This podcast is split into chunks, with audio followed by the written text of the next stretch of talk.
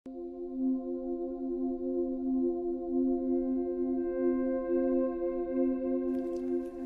Ibu Bapak yang dikasih Tuhan, salam damai sejahtera.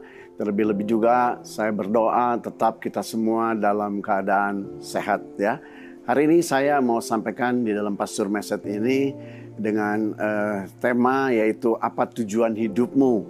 Apakah masih ada atau kita sudah mengalami perubahan? Karena kita tidak bisa memungkiri di dalam masa pandemi seperti ini ada begitu banyak tekanan, baik itu ekonomi, juga perubahan-perubahan sosial, kadang membuat kita ragu untuk meneruskan tujuan di dalam hidup kita.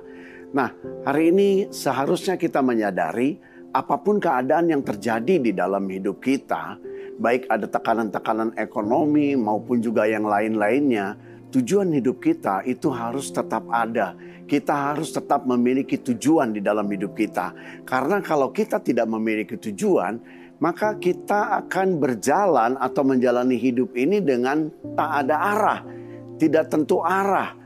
Ya, dan kita tahu bahwa ada peribahasa berkata begini, seperti katak di dalam tempurung. Artinya dia bisa bergerak selangkah-langkah, dia bisa loncat-loncat, tetapi sebetulnya dia tidak ke mana-mana. Nah demikian juga di dalam kehidupan kita. Mari kita mau belajar bersama-sama supaya apa pun keadaannya, hari ini kita tetap punya daya juang yang tinggi, kita juga tetap memiliki semangat yang tinggi untuk tetap berjalan di treknya Tuhan melalui tujuan di dalam hidup saudara dan saya sehingga kita bisa mempraktekkan apa yang sudah Tuhan berikan di dalam hidup kita. Namun kita belajar apa yang disampaikan oleh Rasul Paulus di dalam 1 Korintus 9 ayat 26 sampai 27. Firman Tuhan berkata begini, "Sebab itu aku tidak berlari tanpa tujuan." Dan aku bukan petinju yang sembarangan saja memukul, tetapi aku melatih tubuhku dan menguasai seluruhnya, supaya sesudah memberitakan Injil kepada orang lain, jangan aku sendiri ditolak. Ibu Bapak yang dikasih Tuhan, firman Tuhan berkata begini, Rasul Paul berkata bahwa dia tidak berlari tanpa tujuan. Itu artinya di dalam terjemahan lain dia cuma punya satu tujuan. Dengan tujuan itulah dia bisa mempersiapkan sedini mungkin segala persiapan-persiapan untuk meraih masa depannya. Dan kita tahu juga ketika dia kasih utama tentang petinju, maka dikatakan dia petinju yang tidak sembarangan saja memukul. Artinya harus tepat sasaran. Demikian juga di dalam hidup seseorang yang masih memiliki tujuan. Mungkin keadaan membuat dia sedikit berhenti, sedikit berjalan agak terseok-seok, tapi dia akan tetap menempuh jalan demi jalan, langkah demi langkah untuk tetap meraih tujuan di dalam hidupnya. Nah di ayat 27 dikatakan juga kalau demikian eh, Rasul Paulus ingatkan supaya kita bisa memiliki penguasaan diri. Ya, penguasaan diri membuat saudara dan saya tidak akan jatuh di dalam dosa. Penguasaan diri membuat kita tidak akan melanggar hukum dan perintah Tuhan.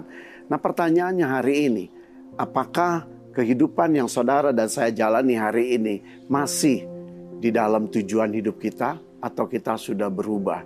Mungkin ada banyak orang berkata, ya mudah-mudahan masih pak. Atau mungkin enggak lah, ngalir aja lah. Atau yang orang yang punya iman akan berkata begini, ya saya percaya walaupun keadaan menghambat, tapi saya akan tetap berjalan di dalam tujuan hidup saya bersama dengan Tuhan. Ibu Bapak saya ingat kalau kita lihat perumpamaan kapal layar, kapal layar itu digerakkan ke tujuannya oleh angin. Angin itu mendorong layar dan dari dorongan itu membuat kapal layar itu berjalan ke arah tujuannya. Nah, Ibu Bapak yang dikasih Tuhan, perhatikan saat dia ada di lautan lepas, maka angin itu tidak selalu ada di belakang yang bisa dorong lurus ke depan. Angin itu bisa datang dari kiri, angin itu bisa datang dari kanan, bahkan angin bisa datang dari depan.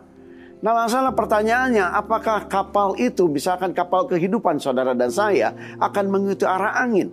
Saya yakin kalau kita, kita ikuti arah angin, maka sering kali kita mulai belok ke kiri ketika angin itu datang dari kanan atau kita akan ke kanan dan sangat jauh karena angin itu datang dari kiri, atau kita akan mundur karena angin itu datang dari depan. Nah, menurut saya, kenapa kapal layar itu tetap berjalan kepada tujuan, bukan mengikuti arah angin, Tapi dengan arah angin berubah-ubah, dia tetap rubah layarnya walaupun dia harus rubah, tetapi tujuannya itu tetap kepada tujuan awalnya. Nah, angin mungkin bisa berbicara tentang masalah, persoalan, keadaan di dalam hidup kita. Tapi biarlah itu kita bisa pakai di dalam hidup kita untuk kita mulai mengintrospeksi kehidupan kita. Tapi tujuannya jangan hilang. Tujuannya tetap ada. Kita pakai segala keadaan itu mungkin untuk membuat kita lebih memakai hikmat, ya, lebih bijaksana dalam jalan hidup, tapi tidak berubah di dalam hidup kita semua. Nah, ibu bapak yang dikasih Tuhan, sebetulnya hidup kan tidak sulit sebetulnya, tidak terlalu rumit. Yang rumit itu yang saya temukan adalah banyak orang hanya bermain di dalam logika, bermain di dalam pikiran, bermain di dalam rencana-rencananya, tetapi tidak pernah satu pun dilakukan atau dijalankan. Bahkan ada orang ingin maju, tapi dia masih hidup di dalam pelanggaran. Dia tahu itu salah, tapi dia kerjakan terus. Itulah akan menghambat dia dan tidak mungkin dia akan sampai di tujuan arah hidupnya. Demikian juga di dalam kehidupan kita. Kita harusnya bertanggung jawab di hadapan Tuhan untuk kita melaksanakan atau mengerjakan apa yang Tuhan mau kita kerjakan. Yang penting hari ini, mari kita lakukan apa yang sehari ini saudara dan Tuhan sedang kerjakan bersama. Misalkan, kita tahu bahwa Tuhan mau hidup kita hari ini ada di dalam pertobatan demi pertobatan untuk kita menjadi serupa dengan Kristus, sifat, karakter dan lain sebagainya. Itu tujuan hidup kita. Tetapi keadaan jangan sampai membuat kita lengah dan akhirnya kita jadi sembarangan berkata-kata, kita sembarangan juga di dalam berpikir, bahkan kita bisa sembarangan juga di dalam bertindak. Nah, bagaimana caranya supaya kita tetap di dalam tracknya Tuhan, tetapi tujuan dalam hidup kita bisa kesampaian juga. Nah, mari kita mau belajar di dalam satu ayat dalam Kolose 1 ayat 16. Firman Tuhan berkata begini, karena di dalam dialah telah diciptakan segala sesuatu yang ada di sorga dan yang ada di bumi, yang kelihatan dan yang tidak kelihatan, baik singgasana maupun kerajaan, baik pemerintah maupun penguasa, segala sesuatu diciptakan oleh Dia dan untuk Dia. Perhatikan ayat ini mengatakan begini, segala sesuatu di bumi di surga itu diciptakan di dalam Dia, di dalam Tuhan dan penutupnya dikatakan begini, segala sesuatu yang diciptakan oleh Tuhan Yesus itu hanya untuk Dia. Oleh Dia diciptakan dan hanya untuk Dia. Jadi hari ini lewat ayat ini apa pun keadaan kita, percayalah segala sesuatu ada di dalam kendali Tuhan. Yang penting kita mengerjakan hidup kita berkonsentrasi penuh untuk menyerahkan semuanya, segala hasilnya ke dalam tangan Tuhan. Orang yang masih memiliki arah hidup yang jelas, dia akan tetap punya motivasi. Dia akan tetap punya dorongan, dia akan tetap punya pengharapan. Bahkan di dalam segala keadaan yang menekan dia, potensi-potensinya akan tergali. Karena dia tahu ada talenta-talenta yang Tuhan berikan di dalam hidup dia. Dia akan pakai talenta itu dengan bijaksana untuk menghasilkan banyak talenta kembali. Kemudian dia akan kembangkan potensi di dalam hidupnya.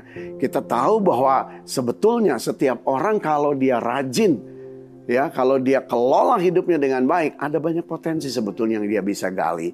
Tapi banyak orang terjebak dengan keadaan dan akhirnya dia tidak mau melakukan apa-apa. Dan yang penting ibu bapak dikasih Tuhan mari kita tetap memiliki prioritas yang benar. Ya yang benar adalah Tuhan di nomor satu di dalam hidup kita. Melayani Tuhan itu mengasihi Tuhan.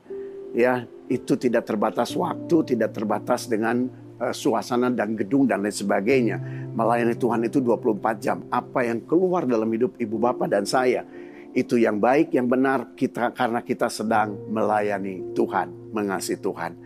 Dan saya percaya pada saat kita melayani Tuhan, hidup kita akan takut akan Tuhan dan segala yang keluar di dalam hidup kita itu boleh menjadi sebuah kebenaran di hadapan Tuhan dan biarlah nama Tuhan selalu dipermuliakan di dalam hidup kita.